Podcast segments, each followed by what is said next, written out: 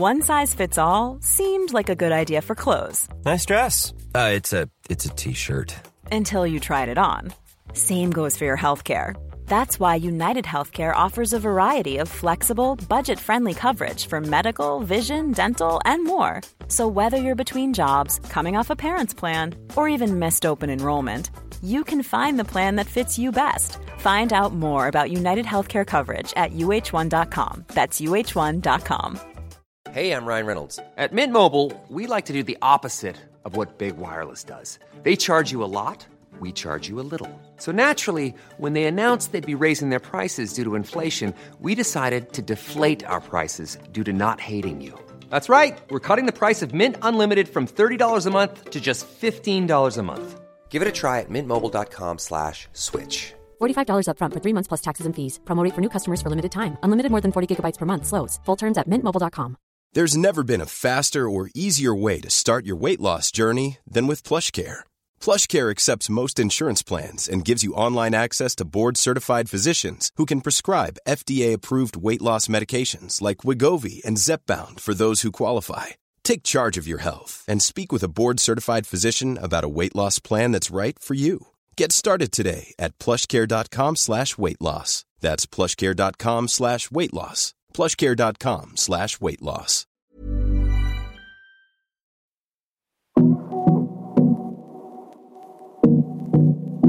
Hej och varmt välkommen till Karriärpodden och till avsnitt 221 som den här gången gästas av Malin Silander, Head of People and Culture på Svensk Fastighetsförmedling. Här kommer vi få ta del av en passionerad HR-chefs historia. Malin har erfarenhet av HR-ledning från flera olika branscher och bland annat har hon varit på Bisnode, Upplands Motor, Atea och Lernia. Och vi kommer förstås att prata mycket om hur man gör för att skapa en positiv kultur på jobbet och hur man på riktigt driver förändring eftersom det kanske är Malins bästa gren och som just nu pågår i allra högsta grad på Svensk Fastighetsförmedling. Det här är också ett samtal om livet och karriären. Och vi får ta del av Malins tankar och de personliga händelser som har präglat henne till att bli den hon är. Innan vi drar igång vårt samtal vill jag passa på att tacka Karriärpodden och Women for Leaders samarbetspartner Volkswagen Group Sverige. Tack för att ni gör det möjligt att fortsätta sända Karriärpodden och att jag får fortsätta lyfta fram förebilder. Här kommer nu avsnitt 221 med min gäst Malin Silander. Jag heter Eva Ekedal.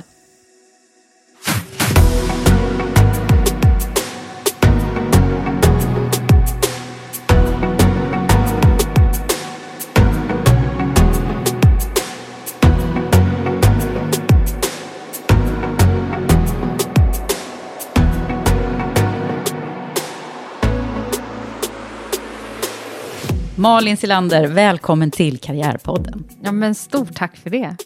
Och vi sa just det är poddpremiär för dig. Ja, det är ju det. Så Ja. lite pirrigt sådär. Så härligt att jag får vara med om och förlösa många, höll jag på att säga. För det är faktiskt ganska många som har börjat här hos mig och sen så har man varit med i massor med poddar. Men du, vi är lite glada av andra anledningar också. Ja, men verkligen. Vi har ju precis idag fått veta att restriktionerna släpper. Helt fantastiskt känns ju det. Verkligen. Alltså det är ju som att det börjar, och så våren är här. Och, Ja, Nej, nu går Nu det åt vi. rätt håll. Ja, verkligen. Nu kör vi. Men du, det är så kul, och för vi känner ju varandra lite sen tidigare, ska vi ju säga då. Ja. Men jag har ju aldrig fått höra hela din berättelse. Nej. Så det här ska ju bli jättespännande. Ja. Och, och, och när jag tittar på ditt CV så, så blir man ju liksom, det första som slår en är ju så här, mm, det här är en klockren HR-chefskarriär. och väldigt så här stegvis som du har tagit dig fram helt enkelt. Ja, och det är ju eh, kul att du säger det. Och jag tror jag har nog aldrig haft en liksom tydlig plan så att jag ska ta exakt de där stegen och, och göra, utan eh, det är väl som det ofta är, livet händer och olika möjligheter eh, öppnas upp. Så. Men det är klart att det har, jag har haft förmånen att få prova på flera riktigt häftiga uppdrag och också varit i flera olika branscher som jag tycker har varit väldigt eh, utvecklande och berikande under min karriär. Men det där med att, att välja yrke då, kan vi inte börja lite där? Vi, Ja. Visste du från början att det var det här och hur kom det sig? Ja, Nej, det visste jag. Eller så här, min mamma har alltid varit en väldigt stor förebild för mig. Eh, och hon har eh, jobbat en hel del med, ja, inom idrottsvärlden, men med just personalfrågor och, och eh, företagsledning. Um, och när jag skulle söka till universitetet så var jag nog väldigt inne på att jag skulle läsa PA-programmet och hade sökt det, men lite andra delar också. Och då, eh, när jag väl liksom skulle klicka på knappen och skicka in ansökningen så hade jag en diskussion med mina föräldrar som jag idag är väldigt tacksam för. Mm. Där de sa så här till mig att men Malin, hur mycket vet du egentligen om livet och verkligheten? Och du har en bild om vad du vill göra.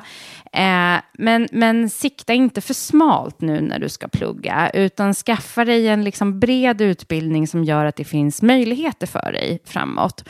Och det gjorde att jag faktiskt i slutändan valde att plugga en civilekonomutbildning, men med inriktning mer mot de mjuka delarna. Så att jag har läst mycket ledarskap, marknadsföring, arbetsrätt, men har också en eh, bas i eh, ja, statistik och, och nationalekonomi och så. Mm. Och det med facit i hand har jag varit oerhört glad och tacksam för att jag har. För, Trots att du har jobbat då ganska ordentligt i HR-spåret hela tiden? Ja, men för mig så, och idag är väl det kanske mer en självklarhet, men när jag var, var nyexad för, för 20 år sedan så var det ju fortfarande liksom HR, eh, var en stödfunktion till mångt och mycket det var verkligen mm. ingen självklarhet att HR fanns i företagsledning.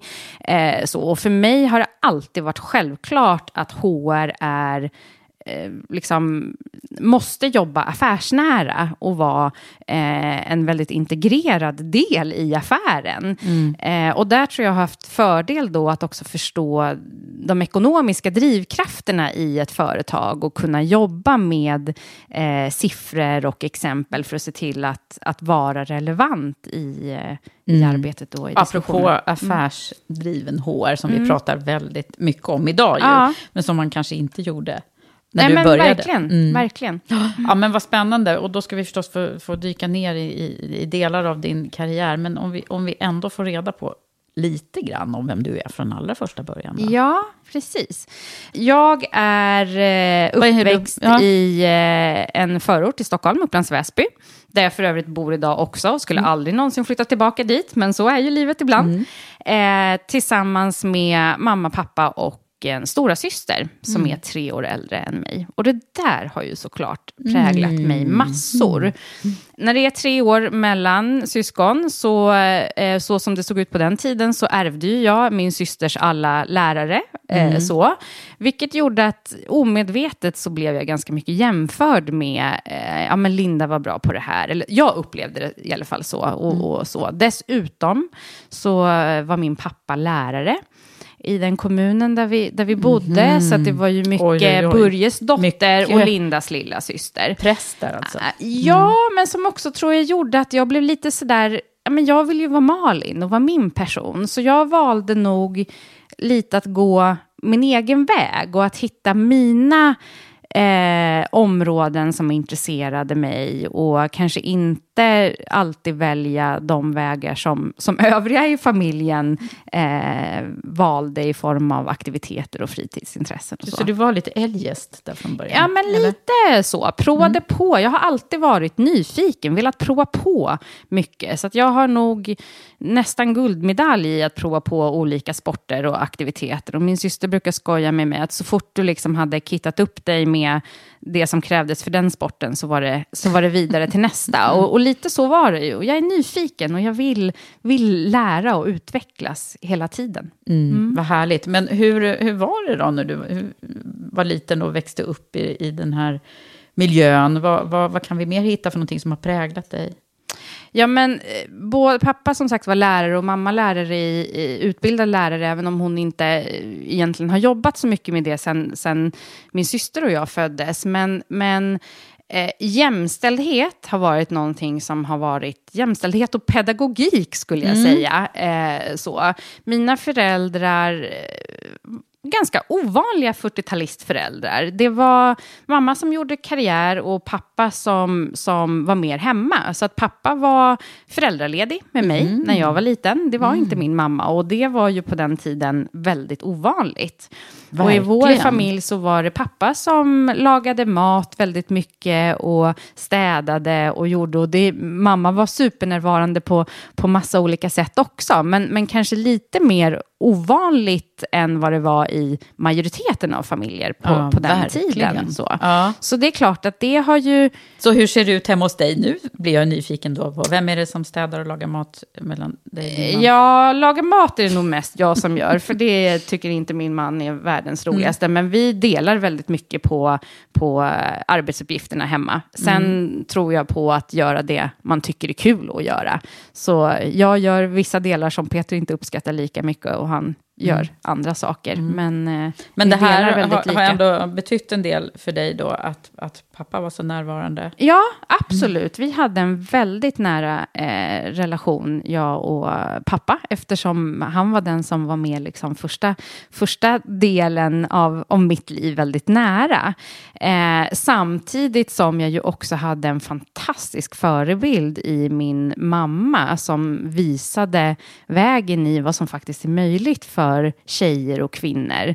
Där hon jobbade inom idrottsvärlden som ju på den tiden kanske inte var sådär jättejämställd och var med och drev mycket jämställdhetsfrågor inom idrotten. Så jag kommer bland mm. annat ihåg hur jag som sex, sjuåring var med på ett kvinnor kan-event med bara kvinnor. Wow, och jag Women stod, for leaders ja, redan lite, då. Lite så faktiskt. Eh, och fick vara med liksom under några dagar med, med ett häftigt event där, där kvinnor verkligen stärkte och inspirerade varandra. Och där fick jag vara med och, och, och bara insupa den atmosfären. Mm. Så det är klart att det det har jag haft med mig eh, som barnsben och som har påverkat mig mm. väldigt, väldigt mycket. Och det är väldigt bra att ha med sig det in i HR-jobbet på något sätt. Ja.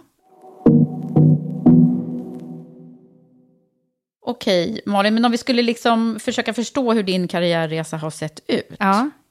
Vad, vad är det som kommer då när du vill beskriva den? Ja, Nej, men jag var ju klar med universitetet precis där i it-kraschen, så det var ju inte helt eh, enkelt faktiskt att, att eh, komma som nyexad och, och, komma in på arbetsmarknaden och få sitt första Nej, det fanns eh, inte så mycket jobb då. Det fanns inte så mycket jobb, så att jag eh, bodde då norr om stan. Eh, och fick ett jobb i Södertälje. Mm. Eh, så att jag åkte pendeltåg en timme enkel väg varje dag eh, så för att ta mig till jobbet. Men jätteglad för, för den resan. Så jag började inom bemanningsbranschen, mm. som ju var ganska ny bransch eh, på den tiden. Då. Och fick möjligheten att under flera år vara med på den resan som det bolaget utvecklades till. Så att både vara med och byggde upp mycket eh, processer och, och, verksamhet kring det. Men fick också direkt då jobba med HR-frågor fast utifrån ett affärsperspektiv. Och det där igen då är jag så glad och tacksam för, för det har jag haft med mig och haft mycket nytta av, eh, tror jag, i, i kommande roller när jag kanske har mer jobbat renodlat med eh, people och HR-frågor eh, inom mm. organisationer. Mm. Ja, för då var du konsultchef och så på det här bemanningsföretaget. Precis, jag var konsultchef. Lernia, bemanning, precis. Um, var konsultchef och sen fick jag vara med när man skulle starta upp tjänstemannarekrytering inom organisationen. Var med tillsammans med två seniora personer och så lilla jag, kände jag då. Mm. Uh, jag fick möjligheten att, att vara eh, platschef under en period och, och, när vi sen blev så stora så att vi skulle starta en egen eh, HR-avdelning så fick jag möjlighet att vara med på den. Så jag hade en, en väldigt rolig resa och fick mycket möjligheter under den perioden och utvecklades mycket så. så att, mm. Men det där det är väldigt intressant. Det är många, inklusive jag själv också, som har jobbat i, i bemanning och, mm. och rekryteringsvärlden tidigt. Och det, det sätter ju sin prägel därför att man förstår det här Eh, både eh, lösa ett problem med en, en bemanningssituation, mm. men samtidigt göra det med, med affärsperspektiv. Ja, jag tror att det är eh, det är en bra start mm. på en framtida Okej, HR-karriär. Så alla som ska vill bli mm. personalchefer nu och HR-direktörer, de får helt enkelt lyssna nu. För det är ju fortfarande så att det här, jag, jag sa det till dig, det, det, jag tror att det fortfarande är ett av de mest attraktiva jobben när, när eh, folk ska välja sina yrkesval. Ja. Eh, framförallt bland kvinnor är det ju. Ja. Nej, men och jag tror det blir bara viktigare och viktigare att ändå ha kunskap och förstå grundaffär och, och verksamhet. Så att det, även om man vill liksom jobba med people-frågor så tror jag att se till att få den erfarenheten är, är oerhört viktigt för mm. att kunna vara relevant och göra ett riktigt bra jobb i HR-arbetet. Mm. Mm. För det är ju många som vill bli HR-chefer och så som jag träffar som säger så här, jag vill jobba med människor. Ja. Och det gör man ju verkligen. Eh, men man gör ju det därför att företaget på något sätt behöver eh, få de, de, som de behöver för att kunna göra det man ska göra. Ja, och det är klart, idag tänker jag, det finns väl nästan inga ledare eller medarbetare på ett bolag som inte jobbar med människor på ett eller annat sätt. Och, och det är klart att, att man har ett särskilt fokus när man jobbar med people på organisationen och medarbetare och utveckling. Men, mm. men det handlar ju minst lika mycket om att också titta på vad är det, vilken resa är företaget på och vad behöver vi då för att säkra att vi har rätt kompetens och, och rätt förutsättningar, möjligheter för våra medarbetare på den resan. Mm. Så det är ju lika mycket eh, företagsekonomi och statistik och, och, struktur och strategier kopplat till det som, som bara mjuka frågor. Mm, mm. Verkligen. Eh, så är det ju mycket. Och administration och annat som ska fungera. Absolut. Mm. Men du, och sen så har du ju eh, dykt ner i lite andra bolag. Eh, Atea och Bisnode och ja. några andra innan vi hamnar där du är nu förstås. Ja. Eh, och Upplands Motor har vi också. Mm. Men vad, vad, vad, ska vi, vad, är, vad är det du vill prata om? Nej men alltså jag, någonstans så, jag eh, jag gillar ju att lära. Jag älskar att jobba med people-frågor, men jag gillar att lära nytt. Så min take har ju varit att prova olika branscher. För att inte för mycket kunna hamna i att bara dra fram, ja men då gör vi på det här sättet ur bakfickan. Utan mm. hela tiden också behöva utmana mig själv och se vad behövs det för att det ska fungera i den här specifika branschen eller utifrån det här företagets behov. Så varit i en mängd olika branscher, precis som du är inne på. Eh, men det som kanske ändå har varit gemensamt för de jobben jag har varit i, att det har varit bolag som har varit i eh, stark tillväxt och förändring. Så jag har jobbat mycket med eh, bolagsförvärv eh, och integrerat bolag och, och fått ihop då både grundprocesser men också kultur och, och ledarskapsfrågor. Så det är väl en, mm. en röd tråd och där Bisnode var väl det uppdraget som, som jag både var på ett sätt läskigast, men också kanske roligast och mest lärorikt. Vad var det som var läskigt? Ja, men vi skulle, jag kom in i ett skede där man skulle gå från att jag jobbade i Sverige Norden-organisation och i Sverige så, så bestod organisationen då av 18 bolag. Och man hade bestämt sig för att vi skulle gå mot ett Bisnode, det vill säga 18 bolag mm. inom bara Sverige, skulle bli ett. Wow. Som hittills hade haft egna varumärken och egna processer och strukturer för i princip allt. Och det skulle vi nu successivt börja integrera och vi skulle dessutom flytta tillsammans i ett gemensamt hus. Och vissa av de här bolagen var ju nästan mer eller mindre direkta konkurrenter med varandra. Wow. Hur Så gjorde det, ni då? Ja, men eh, alltså det är ju ett, det är ju ett långsiktigt eh, arbete som ju krävde att vi i ledningen blev ett väldigt tajt team eh, med stor tillit och trygghet i varandra. Eh, så. Och sen att alla behövde lägga en väldigt tydlig plan för sin del i det. Så att vi, var ju, vi lyfte ju på alla stenar under mm. de åren. Allt ifrån, om vi fokuserar på people-området, allt ifrån hur vi såg på ledarskap och kultur till eh, vilket löneutbetalningsdatum skulle vi ha i organisationen och hur skulle vi hantera arbetstider och röda dagar. Så, mm. så högt och lågt och, och alla delar eh, mm.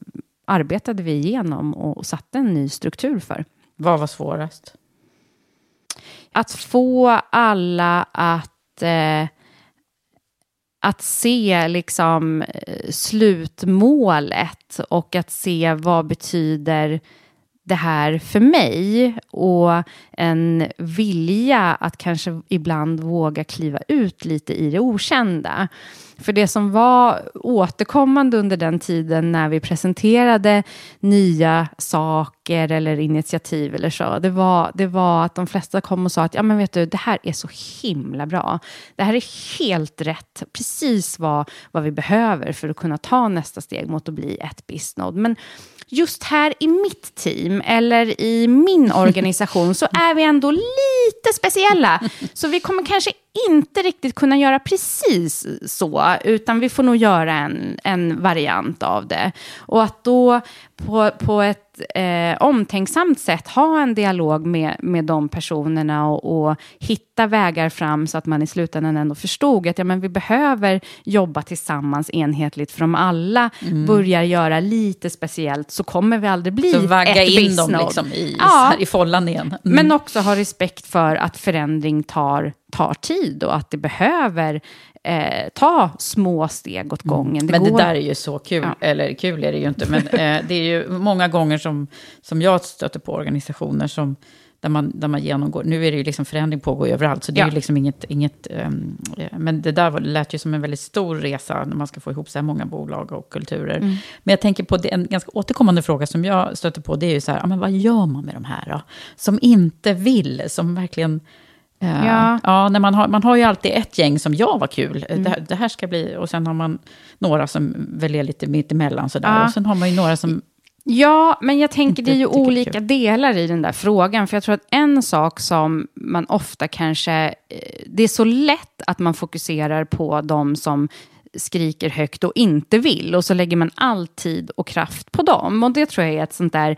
Eh, det är klart att man behöver, eh, behöver ta hand om dem också på ett klokt sätt. Men att det inte är där man ska lägga majoriteten av sin tid. Utan lägga majoriteten av tiden på alla som vill. På alla som vill ta nästa kliv och, och redan är långt framme i förändringen. Och lyfta de goda exemplen som, som de är med och bidrar och mm. gör. För då, eh, till slut, vi är ju grunden flockmänniskor, så då kommer liksom man få med sig fler och fler successivt. Mm. Sen är det såklart eh, alltid så att det finns vissa som kanske aldrig vill, för man tror inte på förändringen eh, i grunden. Och det tänker jag, det är ju helt okej okay också. Mm. Men då behöver man kanske ta samtalen om att då kanske det är dags för oss att gå skilda vägar. Eh, för att du kommer nog i förlängningen inte må bra av det här heller. Nej, eh, men, men jag tror som sagt var inte göra misstaget att fokusera för mycket på de som inte mm. vill, utan lägg tiden, kraften på de som, som verkligen vill, mm. för det är de som kommer vara med och bidra till att man når målen. Mm. Klokt. Mm. Det var det där svaret jag ville att du skulle säga. Ja. Och så gjorde du det. Nej, men jag, jag har själv erfarit det där på något sätt. Att, ja. att det, och, och hamnat i fällan också. Att ja. Bara, nej men åh, du måste liksom. Och så blir det lite krampaktigt. Ja, men och det är så himla lätt. För det är klart, när, när det stormar eh, så, så är det ju de som inte riktigt tycker att man gör rätt saker som, som gör sin röst hörda. Medan de som tycker att allt är toppen mm. och jättebra kanske inte hörs lika mycket. Och det är ju lätt då att man, att man fastnar själv i den stormen. Och att aktivt i, i ledningsgruppen hjälpas åt då att, att navigera i det där. Det mm. tror jag är oerhört viktigt. Ja. Sen har du ju varit inne i ett familjeägt bolag också. Ja ett fantastiskt... Eh, ja, men, eh, jag är så glad för alla olika bolag ja. jag har fått förmånen att vara del av. Men, men Upplands Motor som ägdes av familjen Lindström. Och jag vet, när jag, när jag tog det jobbet och då klev in i bilbranschen ja. så var det många som sa till mig, men du Malin, hur tänkte du nu? Du har ju varit i liksom coola framtidsbranscher, IT och teknologi Och liksom hur, hur, hur tänkte du nu? Eh, men för mig var Upplands Motor så mycket mer. Det var ett genuint familjeföretag med väldigt fina värderingar och, och där man hade jobbat väldigt mycket med att, att kanske få bort vissa av de här eh, fördomarna som, som finns i den branschen, där individen och människan var oerhört viktig och, och avgörande för att eh, verksamheten skulle lyckas. Så att, nej, det var en väldigt rolig tid och där, där vi under åren som jag var där både förvärvade flera bolag men också jobbade vidare med att utveckla den fina kultur och ledarskapet som, som redan fanns i organisationen. Mm, så du har verkligen fått testa på det här. För det var en annan sak som jag tänkte på när jag såg din... Vi ska ju komma till där du är nu också, för ja. det är ju såklart en jättespännande förändringsresa, ja, det apropå det, det på Svensk Fastighetsförmedling. Men, men eh, jag tänker på, på det här med kulturer. Mm. Du har ju verkligen dykt ner i ett antal då, olika, både branscher och kulturer mm. måste det ha varit då i form av ledare som ju då kanske är, ja, som kommer ifrån de här olika världarna. Mm. Vad är det som präglar det här med att sätta en kultur allra mest?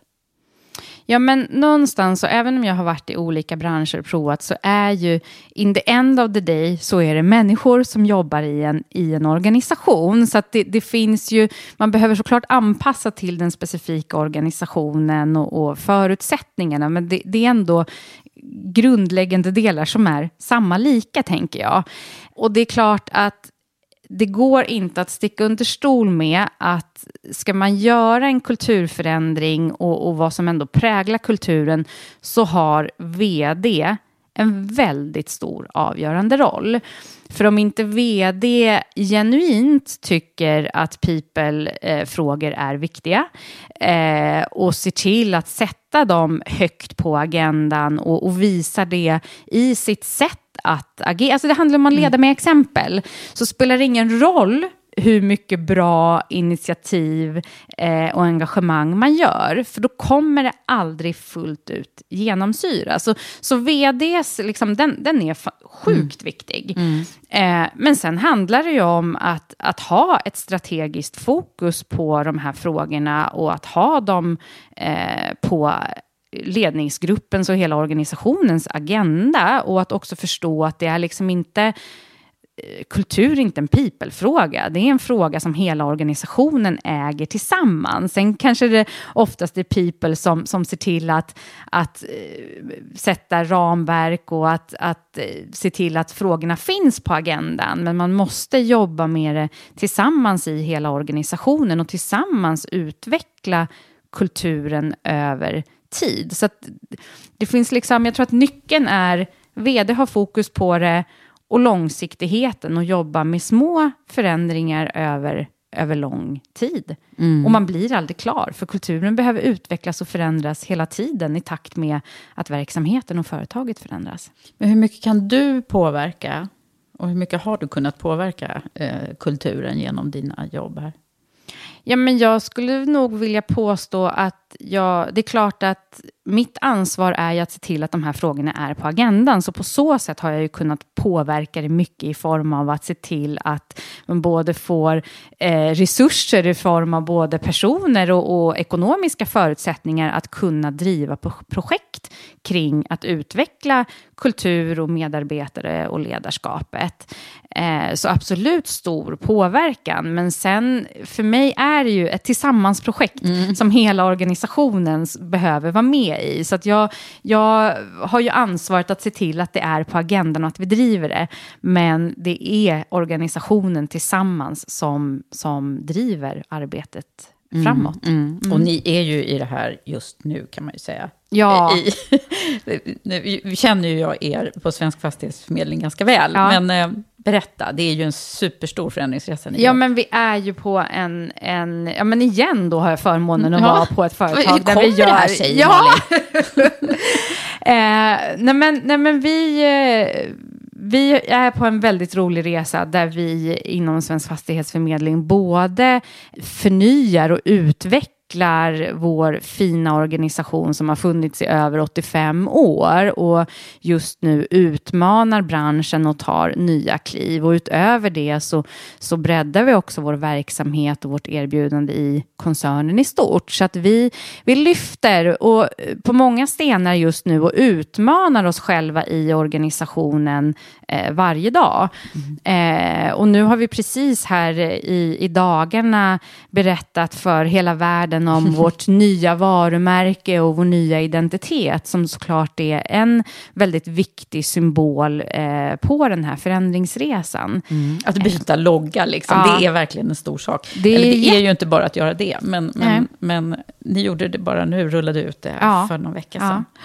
Ja, superspännande och snyggt tycker jag ju att det ser ut. Ja, det är verkligen ett, ett Mm. eh, fantastiskt gediget jobb som, som är gjort bakom den förändringen. Mm. Men, men det som är så coolt är att vi gör det verkligen på riktigt. Vi ändrar inte bara inom situationstecken loggan Nej. eller våra färger, utan vi jobbar också jätteaktivt med att utveckla kulturen hos oss och hur vi vill ha det hos oss och vad är viktigt hos oss för att vi ska kunna ta ytter, ytterligare kliv tillsammans. Så att vi har haft eh, workshops med alla ledare där vi har pratat om just vad har varit framgångsrikt i vår organisation och vad det är för delar som vi verkligen ska ta med oss framåt på vår resa. Men också vågat utmana oss i vad finns det för delar som vi kanske måste lämna nu när vi tar ett kliv in i framtiden. Och utifrån det eh, tagit dialogen också vidare i organisationen för att få till riktig beteendeförändring. Men igen, det är ju liksom inget, det är inget projekt vi gör över en månad, Nej. utan det är ju ett långsiktigt arbete med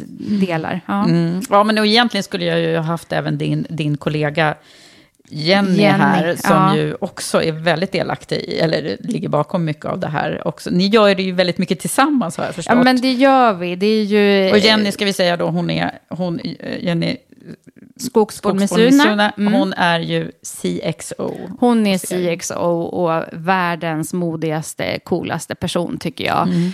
Eh, som jag är så glad att ha som kollega. För, för vi, ja, men vi jobbar väldigt tajt tillsammans, även om vi eh, driver olika delar i den här förändringen. Då. Och, eh, men, men oerhört kul att få, få teama. Och vi är, eh, liksom, ledningsgruppen överlag är, vi är väldigt tajta och vi jobbar väldigt nära. Och igen då tillbaka till vdn är viktig för att driva förändring och driva att det faktiskt blir en kulturutveckling på riktigt. Och där är ju min fantastiska chef som jag har idag, Lisa, eh, fenomenal på att både få ihop gruppen och ledningsgruppen, men också att visa på riktigt vad det är för kultur som vi vill att vårt företag ska stå för. Mm. Ja, gud vad spännande. För, och det har ju hänt mycket de senaste åren hos er, verkligen. Sen, sen Lisa började Ja, och men du började. absolut. Och, Vi är ju på en, en eh, enorm tillväxtresa, så att vi,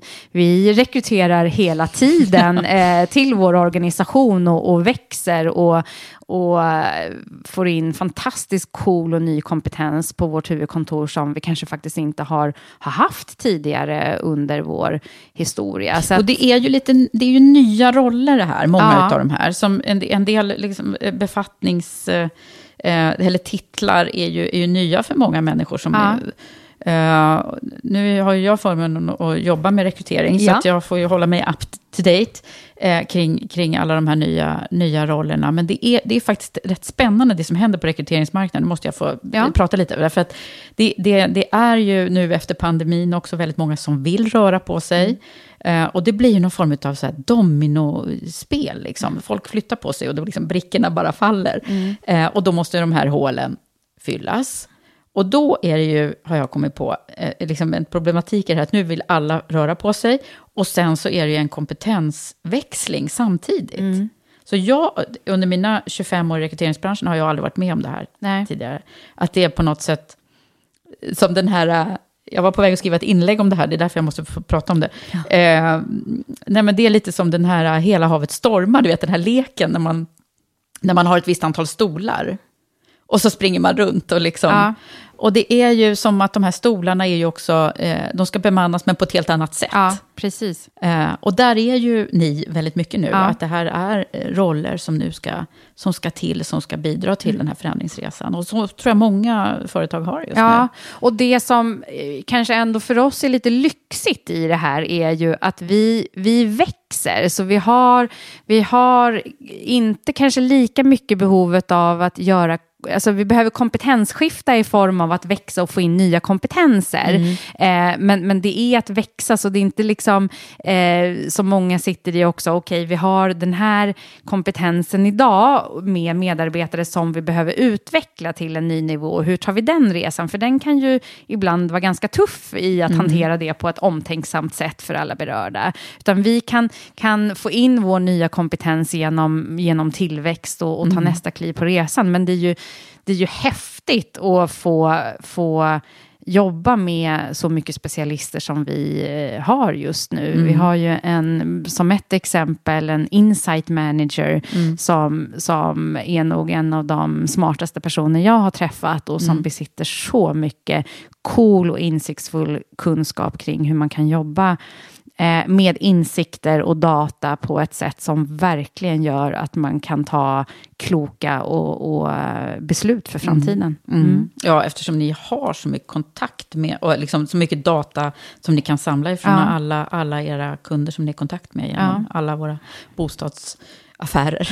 Och även på, på people-sidan där, att ja. faktiskt jobba mer datadrivet med vad är det eh, organisationen eh, tycker, tänker och hur kan vi utifrån från de insikterna och den datan ta kloka beslut som också blir bra för, för medarbetarna i förlängningen. Ja. Mm.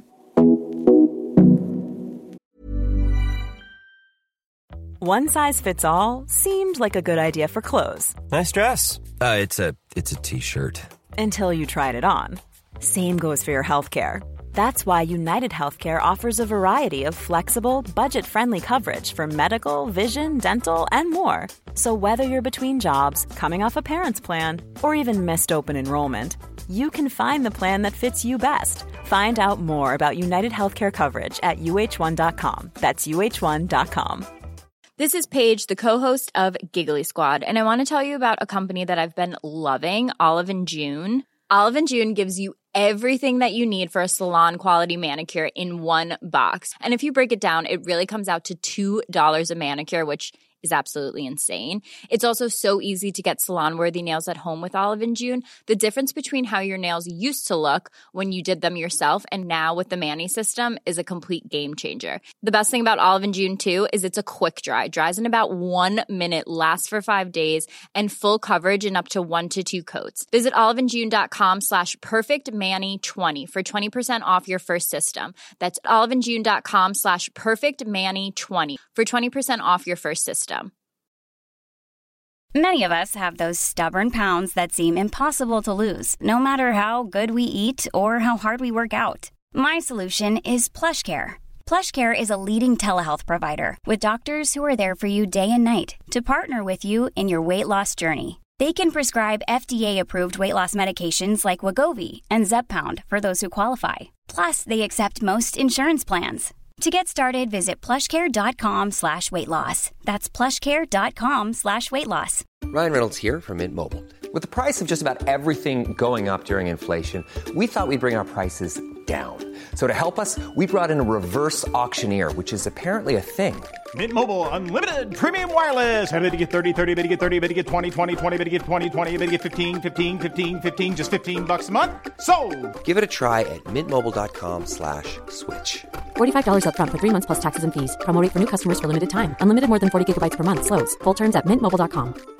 Mom deserves the best, and there's no better place to shop for Mother's Day than Whole Foods Market. They're your destination for unbeatable savings, from premium gifts to show-stopping flowers and irresistible desserts. Start by saving 33% with Prime on all body care and candles. Then get a 15-stem bunch of tulips for just $9.99 each with Prime. Round out Mom's menu with festive rosé, irresistible berry chantilly cake, and more special treats. Come celebrate Mother's Day at Whole Foods Market.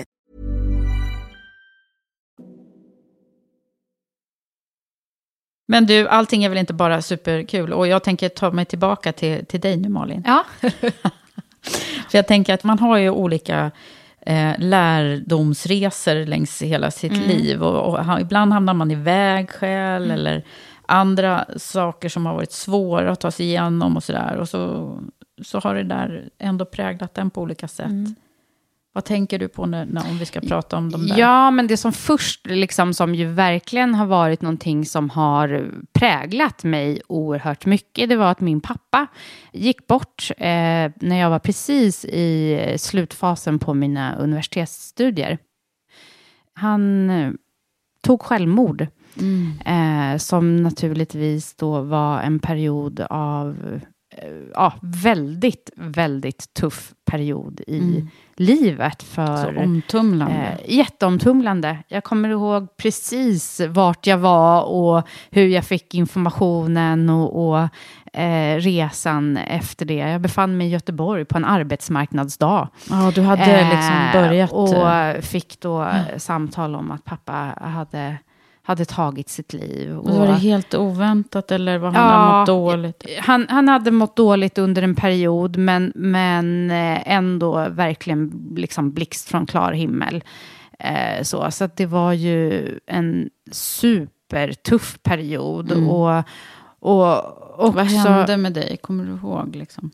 Ja, men jag jag, utöver att liksom, tror jag aldrig jag liksom, kände som att gråten aldrig kunde ta slut så, eh, så blir jag nog i sådana situationer ganska ändå handlingskraftig i, okej, okay, vad behöver vi Mm. Vad behöver vi göra nu? Det blir viktigt för mig att samla liksom, de närmaste och vara väldigt nära, främst min mamma och syster, som också är en av anledningarna till att jag bor i Stockholm idag. Hade inte det här hänt, jag är inte säker på att, att mm. jag hade gjort det. Um, så, så ganska handlingskraftig i ändå vad behöver, vad mm. behöver vi göra nu och vilka behöver vi informera och vilka olika steg. Samtidigt som kan växla ganska snabbt i att bara liksom total sorg och saknad. Mm. Mm. Så att det där blev ju, är ju någonting som har präglat mig genom livet sedan dess, absolut. Och eh, jag tror att min, min mamma har alltid haft en unik förmåga att försöka se, se, saker positivt. Vi brukar ibland skoja och kalla henne för superlativkvinnan, för hon, hon hittar alltid liksom mm. någonting positivt i. Och det där kan man ju ibland bli galen tokig på, men samtidigt tänker jag att det, det är ändå någonting väldigt fint som jag har fått med mig, att även när livet är som mest jobbigt och tungt, så går det alltid att hitta någonting eh, positivt med det. Och det kan ju mm. låta jättekonstigt. Hur kan man hitta någonting positivt med att liksom, sin pappa mm. går bort? Och det är klart att det, det var ju, liksom, önskar jag ingen behöver gå igenom och, och jättetufft. Men någonstans så bestämde jag mig direkt för att, ja men, det här måste få betyda någonting och det får inte vara förgäves att han gick bort nu. Jag måste lära mig någonting av det här och, och han hade inte velat att jag bara slutade leva mitt mm. liv.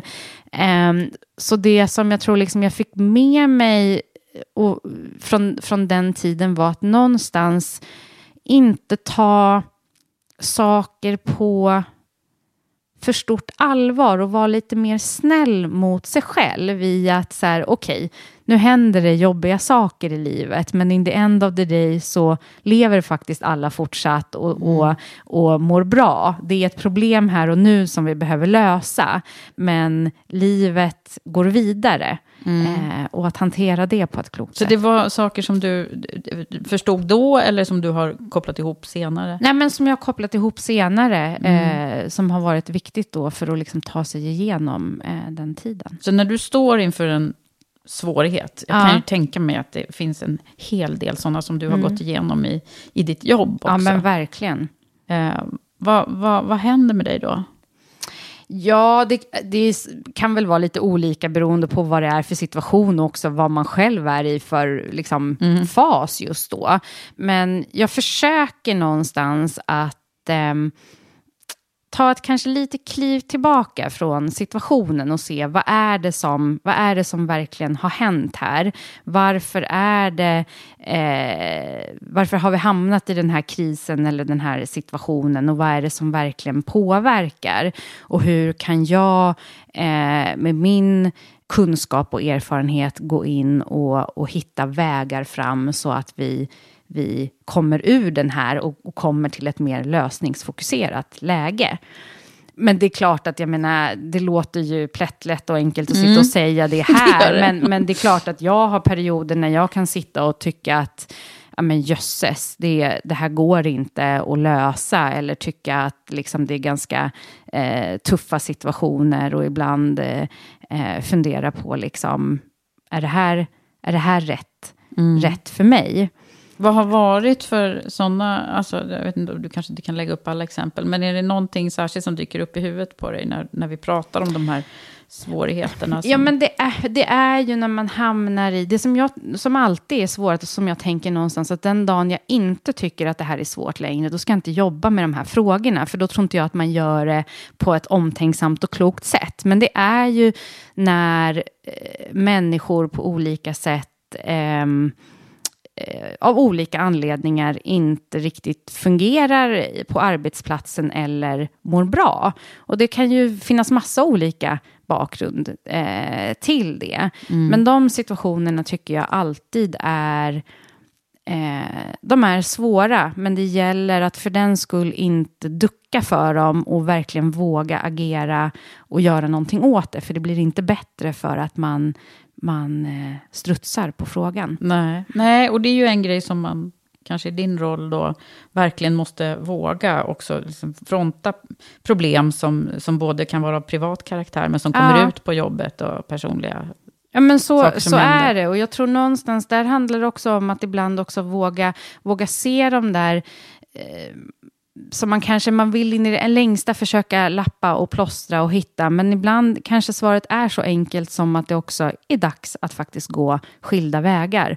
Och våga ta den dialogen och göra det på ett omtänksamt sätt. För, för, och där är det väl liksom vis av, av erfarenheten att någonstans känner jag mig ganska trygg att jag, jag vet att även om den processen är väldigt tuff och jobbig för alla involverade, så när man väl har fått lite perspektiv på den så har jag hittills inte träffat någon som inte i efterhand känner åh vad det var bra att det blev så. För nu har jag fått tagit ett kliv där jag har kommit till, till rätt sammanhang, där jag verkligen trivs och får, får komma till min rätt. Men just när man är uppe i de där så är ju det naturligtvis jättetuffa processer och situationer. Har du lätt för att så här, okej, det där, nu har jag lämnat det bakom mig, nu går jag hem. Och, alltså det här med att skaka av sig jobbiga saker som har hänt på jobbet. Ja, jag har nog ganska lätt för att ändå koppla på och, och koppla av. Men det är klart att vissa, vissa situationer och, och vissa, nej men då, då, tar, då tar jag med det eh, hem och man går och grubblar och, och funderar. Och, men där har ju jag min fantastiska man som då eh, lyssnar och kommer med Vem är din fantastiska man? Ja, men min fantastiska man är Peter, eh, som eh, jobbar med helt andra saker än, än vad jag gör och, och har liksom siffror och försäljning och affär som sitt stora liksom, engagemang i livet, men som är en oerhört eh, eh, person som, som verkligen stöttar och hjälper mig att sortera ibland när jag inte riktigt sådär ser vägen fram. Och det tror jag är viktigt, att jag tror alla personer behöver det, men, men kanske extra viktigt i i HR, eh, HR-roll. Jag brukar ibland skoja och säga att ja, men vem, vem vänder HR-chefen sig till när HR-chefen behöver en HR-chef?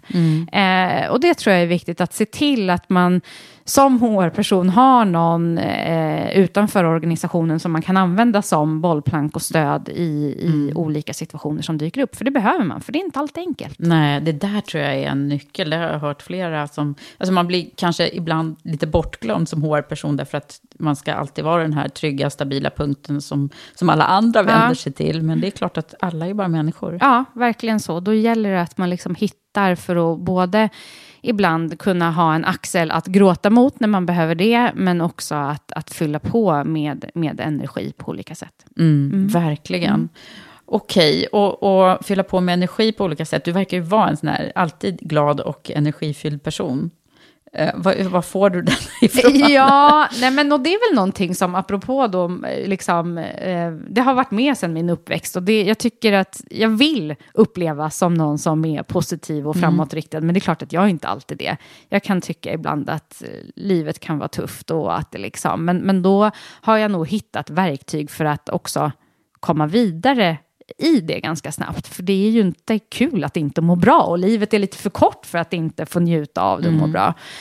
Eh, och en av liksom de viktigaste nycklarna för mig är något så enkelt som träning. Mm. Se till att hålla igång och träna. För håller jag igång med träningen så, så blir oftast inte problemen lika svåra och lika djupa. För då är jag lite klokare i huvudet och i mina mm. liksom, eh, reflektioner. Så det är en jätteviktig eh, nyckel eh, för mig. Det är Gans helt fascinerande ja. det där med träningen. Att till och med nu så skrivs det ju på recept för, ja. för depressioner ja. och, och, så. Och jag, jag håller med, det funkar. Man kan ju ha liksom en dålig dag och så, så kan det vända genom att man går ut och rör på sig. Ja men verkligen. Jag hade, hade en, en situation igår som jag var lite frustrerad över och inte riktigt visste hur jag skulle lösa. Mm. Och nere i gymmet på kvällen så, så bara, ja men just det, det är därför ah. jag känner så här och det är så jag ska lösa det. Och så, liksom, så att, nej men det är en, en jätte jätteviktig eh, nyckel för att, att också tror jag vara hållbar långsiktigt mm. som, som människa men också som ledare. Mm. Mm. Det här med liksom kropp och själ och, och, och, mm. Eh, och intellekt, liksom hur, hur det liksom hänger ihop ja, ändå. Verkligen. Och är det något som inte tas om hand om så Ja. Jag menar, skulle man bara stå på gymmet skulle inte det heller vara nej. bra. Eller ja, alla som vet kanske blir arga på mig nu, men, men du förstår vad jag menar. Alltså att man, man behöver stimulans i alla de där delarna. Ja, men verkligen. Och där tror jag det är så viktigt att liksom, eh, lyssna till sig själv och se vad är det för pusselbitar jag behöver för eh, mitt Eh, välmående. Jag tror man pratar mycket om balans i livet, men det är väl så här, finns, finns det och vad är egentligen det? Jag vill mer se det som, liksom, hur ser mitt pussel ut och vad behöver jag för, för pusselbitar för att, att, att hitta min mm. väg fram och mitt välmående.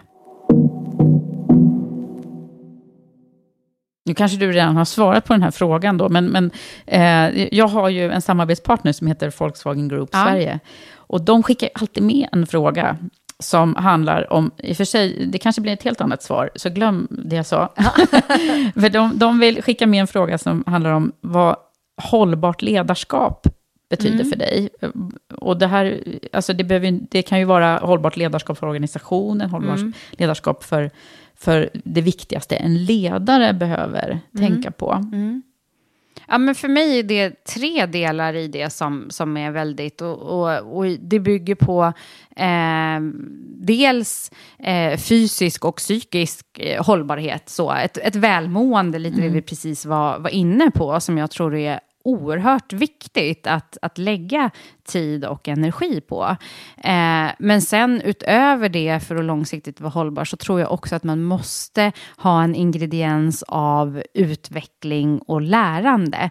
Att hela tiden eh, vara lite nyfiken på framtiden och vilja lära nytt för att också både som ledare men också individ eh, bygga på sig själv för att kunna ta nästa kliv för framtiden. För det enda vi vet är ju att världen kommer fortsätta förändras eh, och då behöver vi eh, som människor också se till att vi hela mm. tiden mm. utvecklas i den. Så även de allra högsta ledarna i, i positionerna eh, ska, ska också ha det här mindsetet? Alla dagar i veckan. Mm. I min värld, så som ledare, måste du ju leva som du lär, för annars blir du inte trovärdig. Mm. Så om inte jag tar hand om mig, såväl fysiskt som psykiskt, eh, men också är intresserad av att, att lära, så tror jag att jag är jättefarligt ut. Och det är, det är nästan en av mina största rädslor i takt med att jag blir äldre. Mm. Att hamna där i att jag inte längre är nyfiken eller, eller lär nytt eh, och, och liksom att hamna i att ta mig själv på för stort allvar. Så. Mm. Eh, det tror jag är jätteviktigt, att fortsätta vilja lära och prova nya vägar. Mm. Mm, verkligen, jag håller med dig. Mm. det får man aldrig sluta med. Eh, och, och det här med att luta sig tillbaka och tro att, att man kan allting. Det, det är Nej, också men livsfarligt. Ja. Mm. Men du Malin, eh, det här med, med eh, mentorer och så. Mm. eh, Har du haft, ofta så har vi personer som har varit väldigt betydelsefulla för oss i, längs vår resa. Ja. Sponsorer brukar vi prata om här Mm. också, sådana som har liksom pushat fram en och varit så här he, påhejare. Ja, Har men, du haft några sådana? Ja, det har jag. Och, och yrkesmässigt så är det framförallt en person som har både har och även idag betyder väldigt mycket för mig. Eh, Björn-Erik Karlsson, som jag hade förmånen att få lära känna när jag var på ATEA. Eh, han var... Eh, jag var HRBP i hans eh, organisation från början och sen så kom han att eh, bli min närmsta chef under en period. Eh, och som också sen, eh, när han under, under min föräldraledighet på, på Atea flyttade vidare till Bisnode och sen ringde mig och Mm. det trodde... var så det gick till. Han- Precis, att han... Jag kommer så väl ihåg när han ringde där och sa att vet du, nu tror jag att jag har ett uppdrag som du skulle passa till och som du kommer ha svårt att säga nej till. Och då ville han ha mig i rollen som HR-chef för, för Sverige och eh, samordningsansvar för Norden i den resan som Bisnode skulle ut på. Jag hade ju inte, jag hade aldrig haft en HR-chefsroll Nej, innan. det var första Det var liksom. första. Och jag tänkte spontant att shit, det var ju en supercool fråga att få. Och det kan jag ju inte tacka nej till. Men herregud, har jag verkligen erfarenhet och kunskap för, för det här? Och samtidigt någonstans, ja, Björn-Erik kände mig och känner mig utan och innan. Och tror han att jag kan, så måste jag ju tro på det själv också. Eh, och det, han- där är, alltså, Ja. det där är så himla bra att du säger Malin, för det är så många som, alltså, speciellt vi kvinnor, är liksom så kritiska mot oss själva så att Ja. vi ställer den här frågan, nej men oj, klarar jag det här? Ja. Och då brukar det ju faktiskt, jag brukar säga det, att ja, men om andra tror att du klarar det så är det säkert så. Ja, men lite så. Och här hade Och, du en person som verkligen då Eh, och på dig. han, eh, nej, men han, har, han har alltid trott på mig och, och funnits där och, och backat och både låtit mig göra vissa misstag och, och lära av det och funnit klokskap i det, men, men hela tiden trott att jag eh, har klarat lite mer än vad jag kanske själv ibland har, har trott. Så att, nej, han har Mm. Så verkligen... han är en sån som eh, dyker men- upp direkt där när vi Ja, pratar det om gör det. han verkligen. Och som också är en person som jag fortfarande vänder mig till när jag ibland behöver sortera tankar eller få lite råd i hur, man ska, hur jag ska navigera utifrån olika situationer som kan dyka upp. Mm. Vad härligt. Mm. Det finns en fråga som jag tänker att jag ska komma till och det var ju där du någonstans började och berätta att det här med jämställdhet var saker som du hade fått med dig hemifrån väldigt Mm. mycket. Du, du vet ju att jag jobbar väldigt mycket med det. Eh, vad tror du är eh, nycklar? Nu vet jag att ni har, ni har nästan, ja ni har ju väldigt mycket kvinnor i ledningen hos Ja. er nu, men det har väl inte alltid sett ut så där du har varit kan jag tänka mig. Att det har varit en obalans Ja, men, på olika nej, men sätt. verkligen. Det har, det har, jag har väl i och för sig haft förmånen att sitta i ledningsgrupper där jag, jag har aldrig varit ensam kvinna. Eh, så. Sen har väl balansen sett olika ut mellan liksom, viktningen och där det kanske eh, i vissa situationer har varit mer då kvinnor på de klassiska Mm, kvinnopositionerna. Och där jag ju själv är liksom en av, av dem. Eh, men, nej, men det är klart att, att jämställdhet är ju oerhört viktigt i alla typer av eh, konstellationer och grupper. Eh, så, och någonting som jag tror att man som ledning behöver ha ett fokus på och, och jobba för. Och hos oss just nu så behöver vi eh, säkra att kanske få in lite mer män i vissa, vissa positioner och, och roller för att, att hitta en, en jämvikt. Och det är minst lika viktigt. Eh, men också se till att man har en bra mix av av eh, åldersstruktur och bakgrund och, och erfarenhet, för det berikar. Det blir inte bra om alla sitter och har precis samma erfarenhet och bakgrund. Det blir varken särskilt intressanta diskussioner eller så, tror jag, långsiktigt kloka beslut. Så oerhört viktig fråga. Mm. Och det här med att det, att det kommer en och annan eh, man in i HR-chefsroller, det, det ser vi också, men det, de, är inte så många va? Nej, det är inte det. Och där, det är väl en förändring som, som tror jag hela liksom, HR-skrået skulle må bra av. Att, att det blev en, en bättre balans Mm. eh, i det. Eh, Ja, Precis men som då, för alla det, grupper. det är så här, ju, ju, ju viktigare den frågan är, då brukar männen komma. Ja, och precis. Och där kan man väl förhoppningsvis se då en, en successivt förändring framåt. Men, men den går ju för långsamt, för det är fortfarande alldeles för mycket bara tjejer som söker sig till Ja. eh, den här typen av roller. Och det är synd, Mm. för det är en sjukt viktig roll för alla organisationer. Mm, verkligen. Du, jag ska eh, ta dig tillbaka lite grann till, till di- din livskarriär. Ja. och eh, vandra igenom. För att jag tänker, jag brukar försöka försätta mina gäster i så här, att, man är, att man är typ 20 igen. Mm. Vad, vad är det som du, som du ser att du skulle ha velat höra då? Som du vet Mm. nu? Och ett liksom tips till mig själv som för 20 år sedan.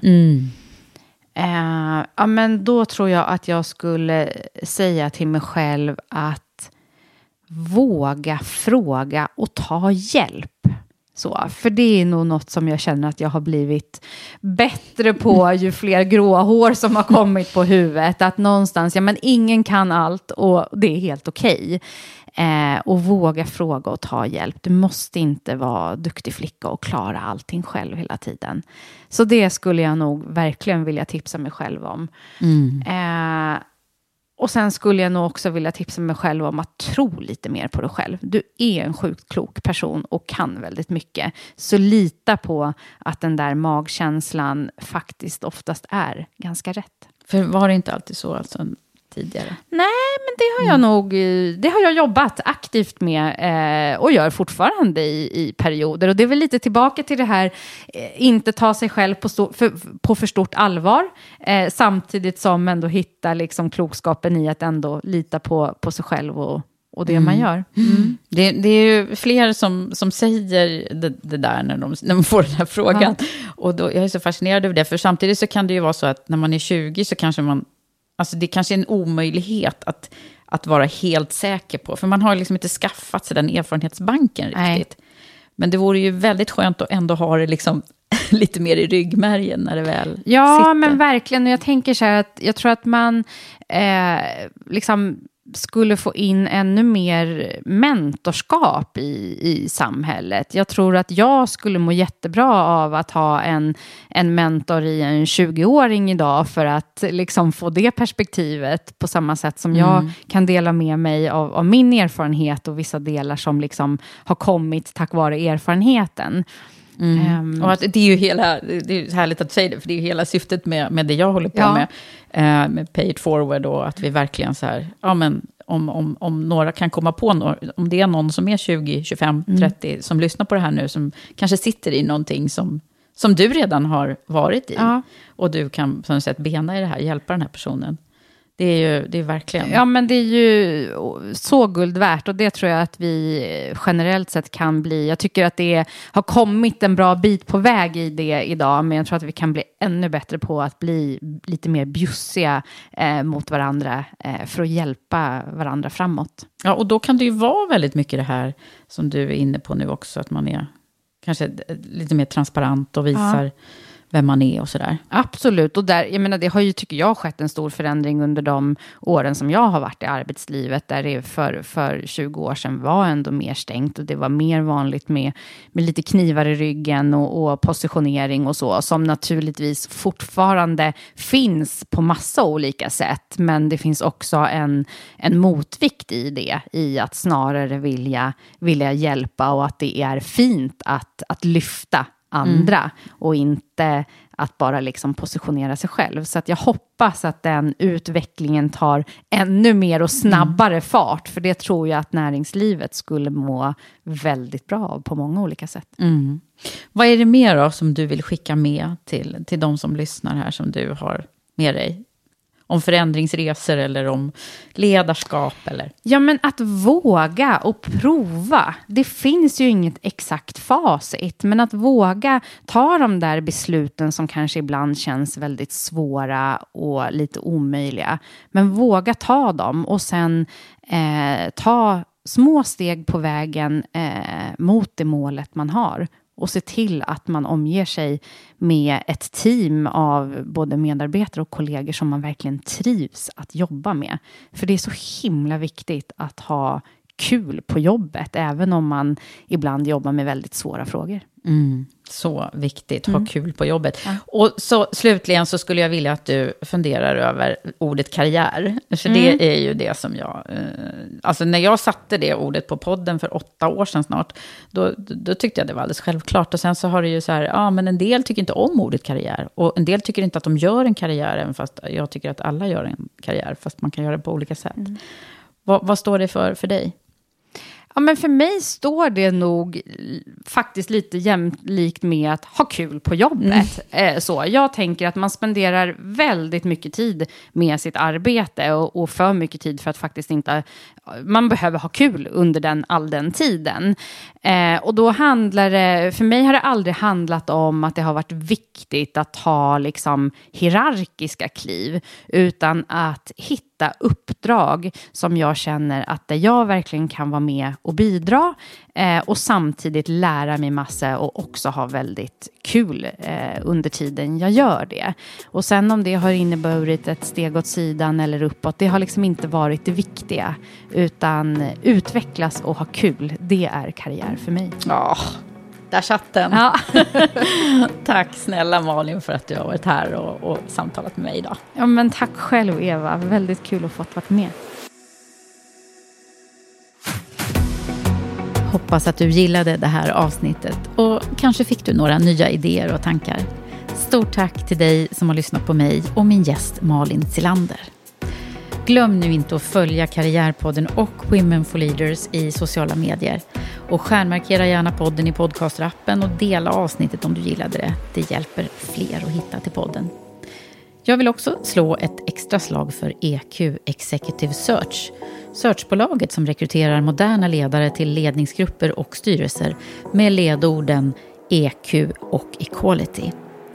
Det var allt från mig och Karriärpodden den här gången. Vi hörs snart igen.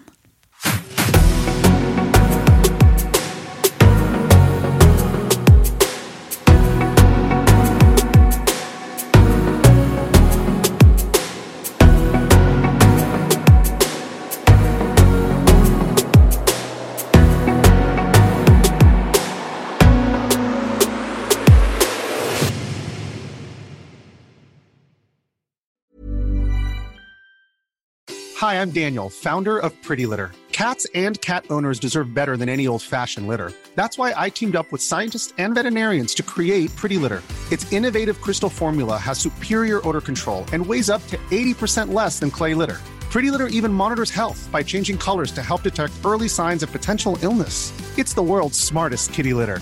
Go to prettylitter.com and use code ACAST for 20% off your first order and a free cat toy. Terms and conditions apply. See site for details.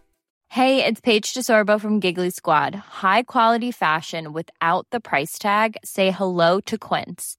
I'm snagging high end essentials like cozy cashmere sweaters, sleek leather jackets, fine jewelry, and so much more. With Quince being 50 to 80% less than similar brands.